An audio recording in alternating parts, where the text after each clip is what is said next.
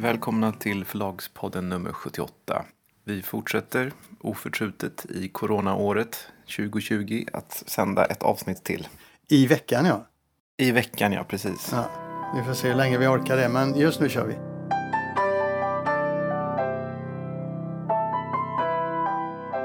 Vi borde sopa upp efter förra avsnittet först. Ehm, vad gjorde vi för fel då? Nej, det betyder inte att man gör fel, men man följer upp då. då. Ah, ja. Ja, Jag tänkte eh, två saker. Först Amazon. Vi, jag sa ju då att Amazon kommer till Sverige i sommar, höst. Mm. Och ingenting eh, sen förra veckan då har ändrat på det. Utan eh, jag har tvärtom fått fler indikationer och fler eh, fakta. Jag fick utav en lyssnare så fick jag en länk till eh, Eskilstuna-Kuriren eller E-Kurirens eh, artikel som var någon vecka före oss som handlade om att Amazon etablerade sig i Eskilstuna. ja, de har väl redan sedan tidigare sina serverhallar där va? Ja, de har ju den på flera ställen i, i, eh, i Mellansverige, men bland annat Eskilstuna. Och vad E-Kuriren säger då, det är att de dels kommer att eh, de håller på att bygga upp en logistikhall bredvid sin serverhall. Och att den kommer att drivas av Kuhne Nagel, tror de heter, en tysk firma som de arbetar med i Tyskland då. Och eh, då måste man säga det, att E-Kuriren var först. Det finns mycket spekulationer, har funnits mycket spekulationer, men E-Kuriren var först i Sverige med den här uppgiften. Jo, men, men ditt scoop, om det nu är ens är intressant att tala om det som ett scoop, eller det är det väl inte, men det, din poäng, det, det som du hade som nyheter var väl att de kommer att sätta igång till sommaren? Ja, och att böcker kommer eh, läggas på efterhand. Men va- varför jag tar upp det med E-Kuriren, det är ju att här låg ju den här informationen ute väldigt länge och ingen av de stora medierna har tagit den. Jättekonstigt. Nej, Nej, det är intressant. Det är väldigt intressant. Det är ingen som läser landsortstidningar. det verkar så. Men en, det var väl någon annan också som, som eh, skickade över Vasakronans årsredovisning där det framgick att eh, de också har hyrt 6 000 kvadratmeter av Vasakronan i en av Hötorgshusen. Och det var väl också något som har startat tidigare tror jag. Ja, just det. Och eh, det är så stort så där kan de inte bara ha molnverksamheten utan de har ju också då eh, den här e-handeln. Och sen det tredje då som du tog upp förra gången att Audible eh, har nu börjat köpa upp svenska rättigheter. Svenska avtal med förlagen och du var ju inte det enda utan jag har ju pratat med fler förlag som har varit i kontakt med Audible. Men det intressanta är som jag tror du sa förra veckan också, de kommer ju sälja styckverk, eh, böckerna per styck så att säga. Mm. Så det blir väldigt intressant att se hur de, eh, hur de eh, prissätter de böckerna. Ja, jag tror ju inte att Audible har liksom... Visst, det finns, de kommer ju ha en...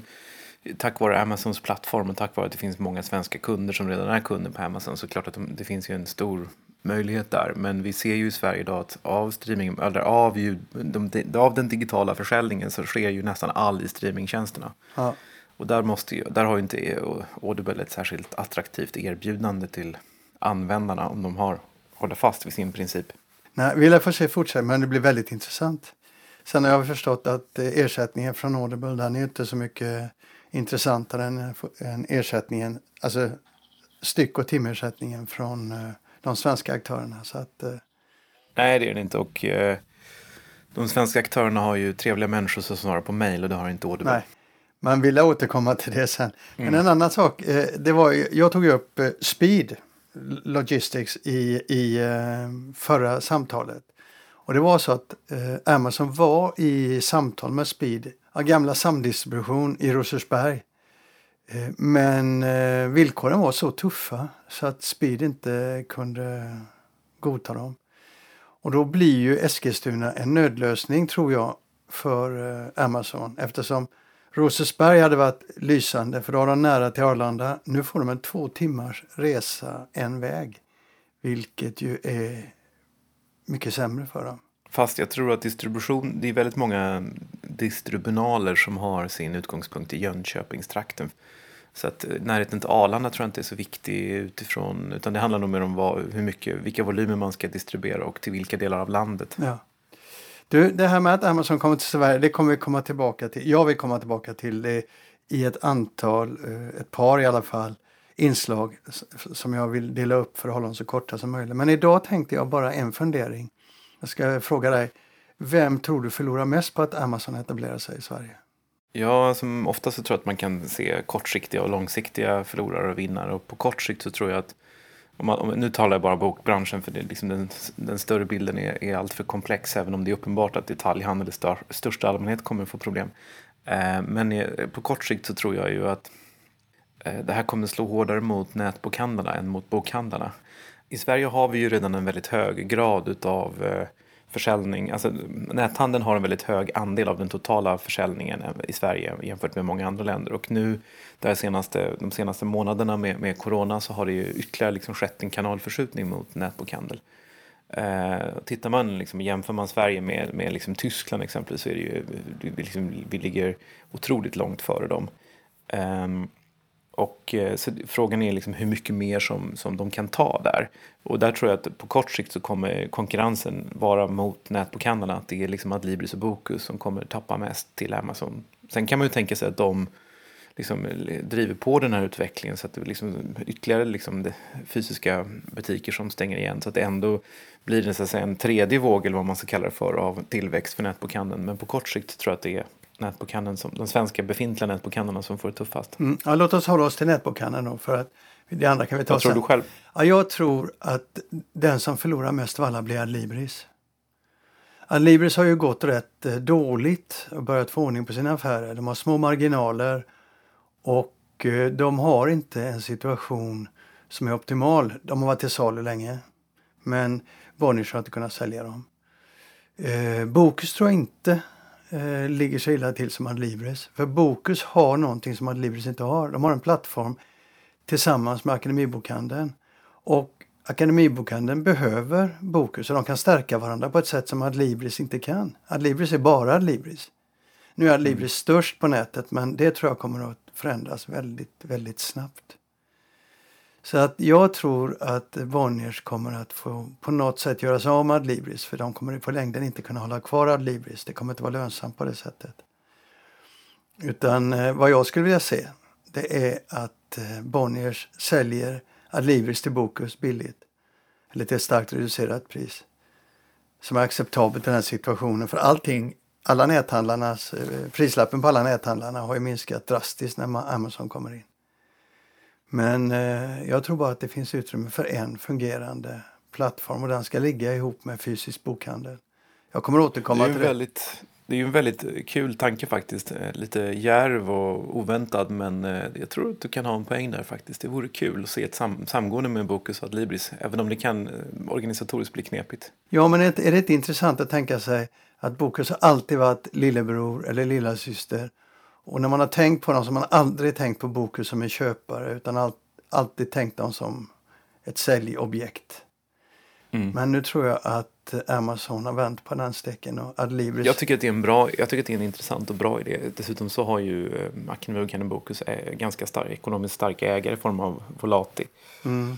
Jag har en utveckling på den idén men den ska jag ta när vi mm. pratar om Amazon och den fysiska bokhandeln. Jag, jag, menar att vi måste gå tillbaka, komma tillbaka till Amazon som ju är ett av de mest brutala företagen som finns på marknaden. Och absolut kommer att vara det brutalaste företaget i Sverige. De kommer att vara väldigt jobbiga att ha att göra med. Och de, effekterna av deras handel kommer att märkas överallt. Men det ska vi återkomma till. Mm. Ska vi stänga Amazon-dörren där? Yes. En liten grej bara om Strawberry. Du tyckte det var lite jobbigt att jag tog upp Strawberry förra gången men men sen det inslaget så har det hänt lite småsaker. Bland annat... Ja, så, ja, nu, nu är det Lasse grävande reporter Winkler som har varit ute igen. Ja, man kan man det. Nej, så här är det. Det är... Jag har hört ett rykte på stan, och det är ett rykte på stan, att det finns ett skambud på den svenska förlagsdelen. Ingen vill bekräfta det för eftersom eh, om det finns ett skambud så är det förknippat med eh, förhandlingar som är eh, låsta med ett, eh, ett avtal när man inte får nämna att man har ett samtal med Strawberry, att det finns någonting överhuvudtaget på bordet. Och, och de signalerna ser jag lite när jag pratar runt, att det finns sådana röster som inte vill prata alls. Ja, men det är ju väldigt intressant. Vet du, du kanske inte kan svara på det här, men vet du om, om den diskussionen förs, på vilken nivå den förs. Om det är liksom svenska Strawberry som för den diskussionen eller om det är norska huvudkontoret som för den diskussionen. Nej, eller kanske nej, till och med nej. Stordalen-nivå. Nej, det är alltså norrmännen. Det är, det är Strawberry i Norge som eh, för, för samtal i så fall. Eh, jag kan inte säga så mycket mer för det här är ju hysch överallt och ingen vill prata så man får ju verkligen knö sig in här i de här sammanhangen. Men om det stämmer att det finns ett skambud så tyder det på att eh, svenska Strawberry till salu.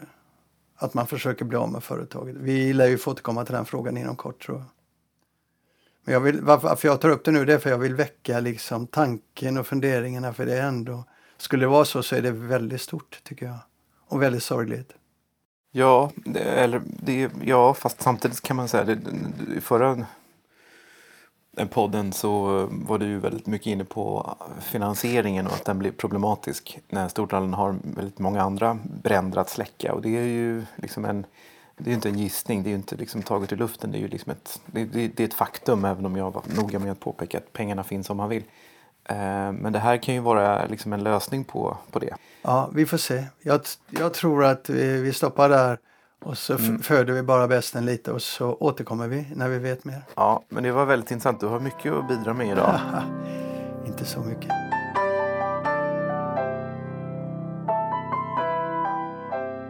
Nå, Mm. tillbaka till Speed. Det där är ett företag som köpte samdistribution för något år sedan eller två va?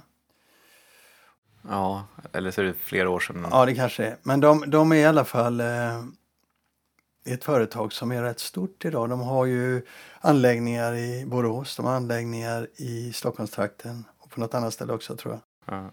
Och nu bygger de upp sin förlagsverksamhet. Verksamhet.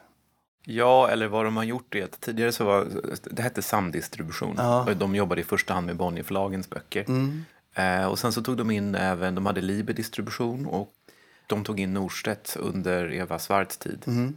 Eh, och det var ju en väldigt stor sak att de tog in eh, Norstedts. Och eh, då, under när de jobbade, då hade de ju då väldigt få kunder men otroligt stora kunder. Och då hade de ingen förlagsportal. De hade alltså ingen, de hade alltså ingen de skickade över dagligen Excel-filer till förlagen som själva hanterade liksom, statistik, eh, flödet och eh, hanteringen av data. Eh, och det gjorde att det var lite svårare för dem att ta in mindre förlag.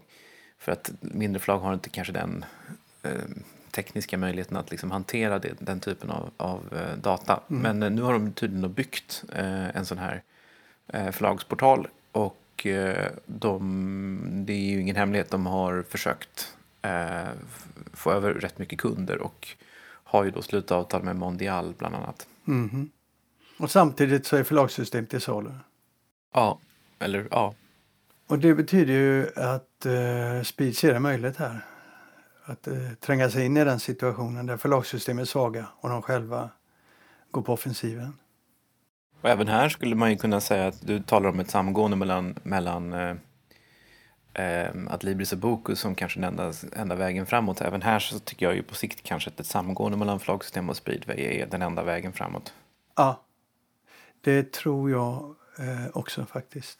Marginalerna i distributionsledet har alltid varit väldigt dåliga och eh, med minskade volymer och en ganska hög prispress och sådär så har, så har ju det inte blivit bättre på den fronten. Så att, eh, det, är, det är ju svårt att se hur de...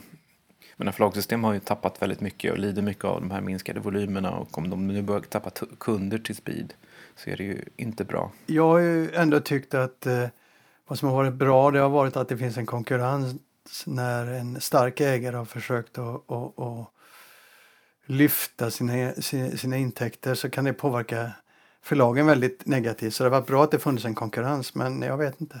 Det, det ser inte ut som att marknaden mår så bra av två stycken aktörer. I synnerhet om de förlagssystem har små marginaler. Ja, ja, vi lär återkomma.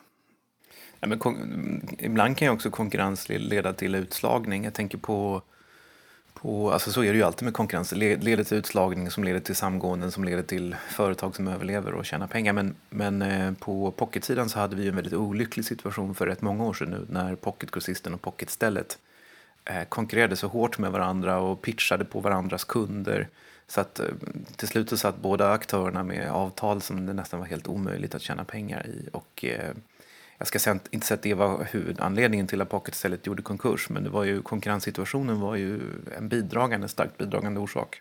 Hela branschen var beroende av att det fanns en fungerande distribution av pocketböcker till dagligvaruhandeln och det, den där konkursen var ju rätt, faktiskt rätt illa Pocketstället konkurs. Det är många som inte kommer ihåg den idag, men då slogs ju en infrastruktur sönder som eh, kanske ännu inte är återuppbyggd. För det var ju väldigt många då av deras kunder som tyckte att eh, dels så förlorade de pengar på att de kunde inte kreditera böcker och sånt. Eh, men sen så var de ju sura på det här och ville då inte ha böcker i, i, eh, Sortimentet där. i sina butiker längre. Så, att, så att det, är, det, är, det är ju liksom eh, det är, det är bättre för bokbranschen att det finns ett, en distribunal som, som fungerar och tjänar pengar än att det är två som blöder eller, och en som går i konkurs. Vi släpper Speed och förlagssystem där. Det är ju inte det sexigaste vi har pratat om.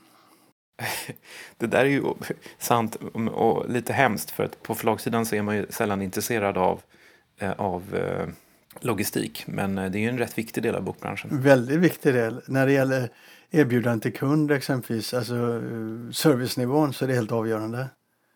Och det finns fantastiska idéer hur man kan vara nyttig för sina kunder.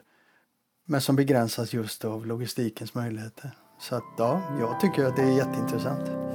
Egentligen.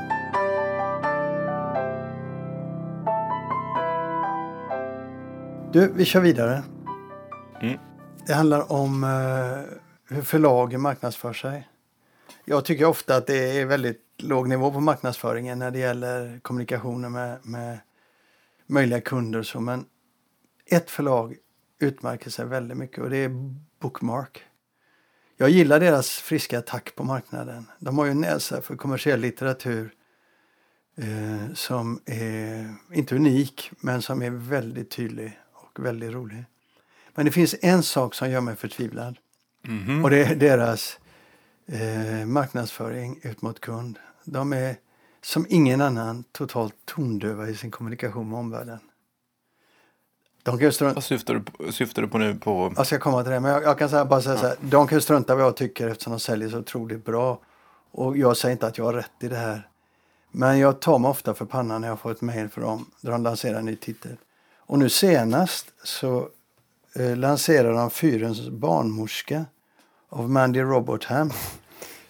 Och, Ja. och där gick de till eh, nya nivåer alltså. Så här låter ingången på den, eh, på den eh, marknadsföringen. Helt unik andra världskrigsroman. Idag kommer äntligen Fyrens barnmorska på svenska. Barnmorskan Mandy Robothams debutroman har tagit läsare med storm och fått skyhöga betyg på det internationella läsarforum. Det är en skrämmande trovärdig roman som gyras, genomsyras av författarens människokärlek och passion för det under som sker när ett barn kommer till världen. Alltså, normalt sett, nu har jag jobbat med text och skrivande i så många år, eh, större delen av mitt yrkesliv. Jag får ju bara panik när jag läser en sån text. Jag bara känner så här, men är detta på riktigt? Får man skriva så? Alltså, det- jo, men det är ju sån överdrift. Du hör ju väl tonläget. Det, Ja. det ligger så högt så att det, du kan inte göra mer. Och att kalla en roman om andra världskriget för unik efter alla dessa år utav utgivning. Ja. Massiv utgivning. Och viktiga böcker. Både fackböcker och romaner. Och så kalla, Nej. och kalla den unik. Jag tycker det är skamligt. Skamligt är det väl inte, men det är lite tondövt. Skrämmande trovärdig och, och passion för barnmorskeyrket är också kanske lite märkligt. Men, men eh, jag vet inte om det här är ett trendbrott. Alltså förr i tiden så var man ju väldigt mån om när man skrev baksidestexter och celltexter att de skulle vara liksom, liksom försöka ha någon slags redaktionell ton. Alltså att det skulle vara lite neutralt. Man var mycket återhållsam med att skriva briljant bok eller sådär. Alltså Polaris gjorde ju också detta med när de lanserade den här eh, påhittade debutanten Skördeman. Att det var i hans nya briljanta roman skriven för alla deckarälskare. Alltså det, det var väldigt mycket subjektiva starka värdeord. Så det, det, jag tror kanske att det är, liksom, det är något nytt det här att man, man kan skriva den typen av eh, celltexter och eh, det funkar medan för tio år sedan så hade man bara tyckt att det var smaklöst. Nej, Men jag, upp, upp, Jag, jag tror inte det funkar. Jag tror att man, eh, man vill så gärna synas i vimlet och så tar man till detta. Alltså man har tappat omdömet Det är på många händer det. Du kan inte, föra, du kan inte göra marknadsföring på den nivån. Därför att du har ingenting kvar sen. När de mest fantastiska böckerna kommer har du ingenting kvar. Om du ligger på den nivån så blir du utmattad som läsare. Och det är inte trovärdigt. Det är inte trovärdigt för en tänkande människa att läsa en sån marknadsföring och tro på den.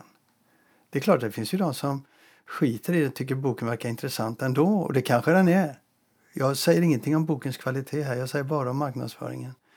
Men, men för mig är det så att jag bara känner, nej nej, det där bryr jag mig inte om. Det är så tondövt så jag är rädd att boken är tondöv. Men där visar ju deras praktik att jag har fel, för de lyckas ju väldigt ofta med sina böcker. Och de ger mm. ut många bra böcker och den här vet jag som sagt inget om. Men marknadsföringen är, eh, den kommer nog att studeras på universitetet i framtiden. På, att, vi, jo, men att vi lever i en tid där det liksom finns inga begränsningar, det finns inget, inget omdöme. Hur du marknadsför dig mot andra människor.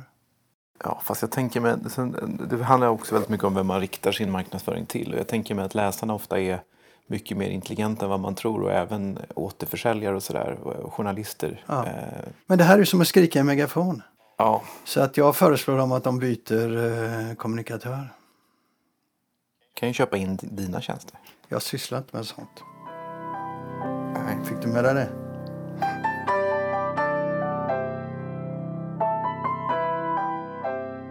Det har ju varit väldigt mycket tal nu om det här med permitteringar och att, att bolag som tar emot stora statliga pengar inte ska få göra aktieutdelningar. Mm.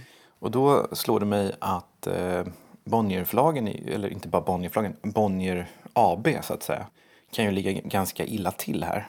Ja, de gör ju det, för de har ju fått stöd. De har sökt och fått pengar av staten i den här situationen. Ja, eh, precis. Och det är olika delar av Bonnier. Eh, Bonnierförlagen har man permitterat enligt Sara Börsvik 60 personer tror jag det var, 60 tjänster. Men eh, på Bonnier News har man permitterat väldigt mycket journalister. Eh, I stort sett alla tror jag, förutom vissa på ledande befattningar. Och enligt Rolf van der Brink som är eh, chefredaktör för Dagens PS, tror jag heter, eller något sånt där, tidigare Dagens Media.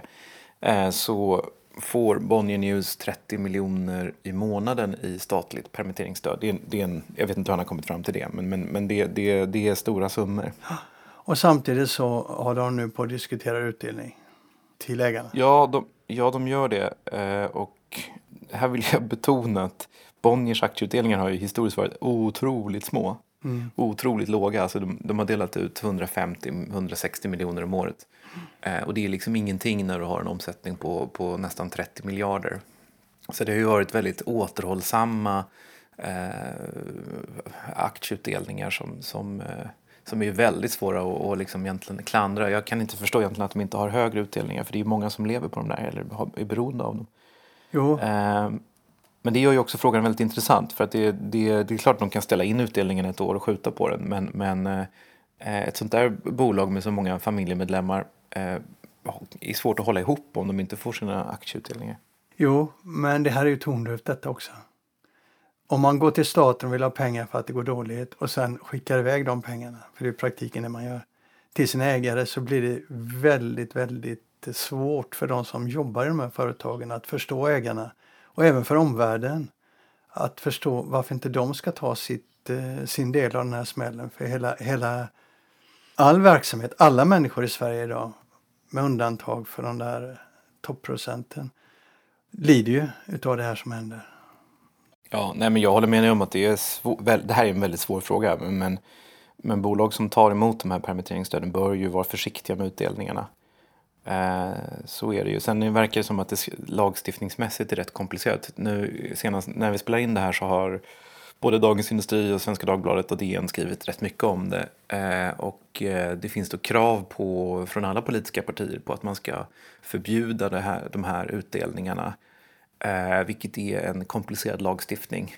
Det finns alltså idag inget lagutrymme att göra det och Magdalena Andersson har själv sagt att hon hoppas på en självsanering, att hon vill inte lägga sig i det här. Mm. Så vi får väl se vad som händer men min känsla är att många, många företag kommer att ligga väldigt lågt med utdelningar och sen så kommer man göra extra utdelningar nästa år istället eller någonting sånt. Mm. Eh, ja, jag, det jag, tror jag också. Skulle tro, jag skulle tro att Bonnier gör något liknande. Men, men för Bonnier är det en väldigt, väldigt delikat fråga. Det är ju för alla naturligtvis företag men, men eh, ett familjeföretag som har, har haft så låga utdelningar som Bonnier har haft eh, kan det vara känsligt att, att ställa in dem helt.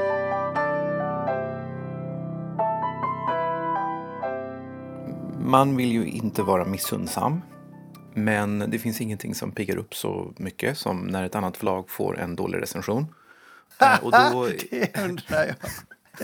okay. och, då, och, och, då inte liksom eh, eh dålig eh, sådär, man sågar boken utan det som är särskilt uppiggande det är ju när ett annat förlag får kritik för det redaktionella arbetet eller att den är så dåligt översatt eller vad har redaktören gjort. Så det, det är liksom särskilt kul. Aha, eh, men nu, ja. men, men jag, jag läste en, recension, en sån recension som, som eh, gjorde att jag fick eh, Eh, blodvittring. Ehm, och, eh, men i det här fallet så, så, tror jag liksom att det är en recensent som totalt har havererat. Ehm, hon har fel och förlaget har rätt. Ja, berätta. Nej, men det var en recension för ett par veckor sedan, två veckor sedan tror jag. Eh, av boken En stund är vi vackra på jorden av Ocean Wong, jag vet inte om du uttalar så, ja. översatt av Andreas Lundberg, utgiven på Naturkultur. Och den här recensionen då hade den här rubriken En storartad roman med skamligt dåligt formgiven. Mm. Med, med skamligt dålig formgivning. Mm. Eh, och eh, bara den rubriken gör ju att man blir väldigt sugen på att läsa. Eh, och då är det mycket märkligt för att det här är en hyllning till den här boken. Alltså hon älskar den här boken så mycket och hon lyfter fram textens kvaliteter så till den grad att det inte bara blir en hyllning till boken utan också att den här själva boken är den visar på hur autofiktion faktiskt verkligen är ingången till stor litteratur och att bara när vi liksom gräver ner oss i det subjektiva så kan vi faktiskt få fram saker som är allmänmänskliga och storartade och stor konst. Alltså det, det är en fullständig hyllning. Mm. Och sen så avslutar vänta, hon... Vänta lite, hon, hon hyllar också översättningen. Ja, hon hyllar också översättningen. Och sen så avslutas det här med att lägga kanske, ja, 20-25 procent av den här Eh, recensionen eh, går då åt till att såga, fullständigt såga eh, formgivningen som hon kallar det för. Och då bara läsa lite grann så här. Men det finns också skäl att vara besviken över den här utgivningen. När, när, när Natur och kultur satsat ordentligt för att vinna budgivningen om denna sensationella roman kunde man väl åtminstone ha förväntat sig att det skulle göra en bok värdig dess innehåll. Istället presenterar man Wongs prosa med en inlaga som inte ens är formgiven utan troligen bara resultatet av en redaktör matat in texten i Indesign. Det vackra språket förfulas oundvikligen och så fortsätter det. läsrytmen förstörs. Um, och det är så konstigt att så många förlag i en tid när bokprojektet är hotat av ljud och e-böcker väljer att skära ner på just det som skiljer tryckt text från, annan, från annan typografin. Eh, och så avslutar hon med att när det kommer till så storartade romaner som En stund är vi vackra på jorden är det rent av skamligt. Ja, ja jag, jag har läst den. Jag, jag studsade när jag läste den. Ja, jag studsade när jag läste den också. Och, eh, det, det, det, det, intressanta med en sån här recension är ju att det spelar liksom ingen roll hur mycket hon hyllar boken för att det här blir en sågning på något sätt. Ja, ingen köper ju en och, bok som är, inte är formgiven, som de är rädda nej, för. Nej, nej. Eh, och då tänkte jag bara, liksom, vad är det då? Jag gick ut och köpte boken. Mm, och du fick mig eh, att köpa den också? Ja, ah, vad intressant. Du har också köpt den. Mm. Ja, men eh, skulle du hålla med om att den är skamligt dåligt formgiven? Nej, alltså jag har tittat och bläddrat och läst och jag ser inte det hon säger. Jag ser ju att den är ovanlig på det sättet att den är formgiven. Eh, den har många element i sin formgivning som är ovanliga. Eh, och det kan du... Jag tror ju att det är författarens intentioner. För det här är ju en författare som... Ja, alltså, eh, om vi ska börja säga så här. När man säger att en bok är dåligt formgiven och att det, att det är ett problem då utgår man ifrån att man talar om en illustrerad bok eller en bok som är designad så att säga. Ja. Alltså inte en textbok, det här är en textbok, det är en roman. Ja. Eh, men det är klart att även, även den satta ytan är ju någonstans formgiven. Och den här boken, hon, det, är liksom, det är en ganska snygg satsyta tycker jag. Mm. Eh, vad jag tror hon stör sig på det är att det är så många nya stycken som börjar med en enfang. Och det beror på att texten är skriven som att den här huvudpersonen skriver brev till sin mor. Ja. Eh, och det kan ju vara ett sätt att, liksom, att framhäva eh, liksom brevets, brevets form. Det tror jag är ett stilgrepp. Så Jag tror också uppfattar att det är ett stilgrepp. Ja. Jag tror också att det är ett stilgrepp. Jag tror att det är för att, att liksom, det börjar så här, låt mig börja om. Kära mamma, jag skriver för att nå dig. Jag tror att det är ett sätt att visa på att det är liksom nya brev. Men eh, eh, ja, kanske att man skulle kunna tagit bort det, kanske inte. Det är liksom, i övrigt så är det liksom inget märkvärdigt. Och att, att då liksom gå bärsärkagång mot förlaget och hela bokbranschen eh, när hon samtidigt tycker att det här är en storartad roman. Det är liksom bara så himla dåligt. Eh, smisk och pisk på recensenten och all, all heder till Natur och kultur som har gett ut den här boken och kostat på en sån fin översättning. Man kan till och med tänka sig att det här, är, att det här följer det engelska originalet och att det också är i, i enlighet med kanske författarens intention och önskan. Ja, det tror ju, det Det tror ju jag när jag tittar i boken, när jag läser Ja. vad författaren skriver och om författaren. Och när man läser hans tack i slutet Ja. av boken så är det väldigt roligt tackdel.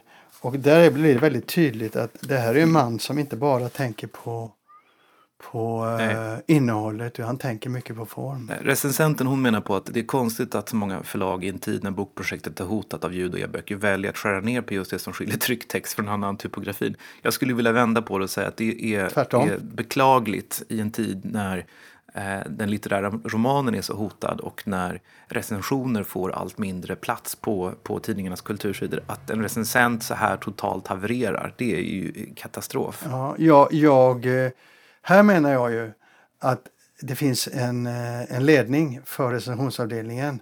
Så när de ser en sån här recension så måste de gå in och dubbelchecka med förlaget. Stämmer de här utsagorna så får det stå. Jag menar en, en, en recensent har rätt att ta i. Och jag gillar när en recensent tar i och, och markerar sig. Men de måste ha rätt då. Men det här var i alla fall en recension som var lite uppiggande att läsa för att en sån här, liksom, en sån här urflippad recension har jag inte läst på länge. Nej, inte jag heller. Den senaste jag läste det var ju när Lotta Olsson recenserade Camilla Läckberg. För Ja, många år sedan. många år sedan. Ja. Det var många år sedan nu. Ja, och, Det har och hon, den, det hon bett om ursäkt för. exakt, den har hon, ju, har hon ju ångrat. Men den var ju också väldigt rolig. Och fick du också gläfsa lite, inte bara jag. Mm, Känns det bra? det känns bra. Det där var allt för den här veckan. Vi eh, avslutar eh, avsnitt 78 av Förlagspodden och kommer tillbaka nästa vecka. Det gör vi. Ha det så bra. Ha det bra. Hej då! Hej då.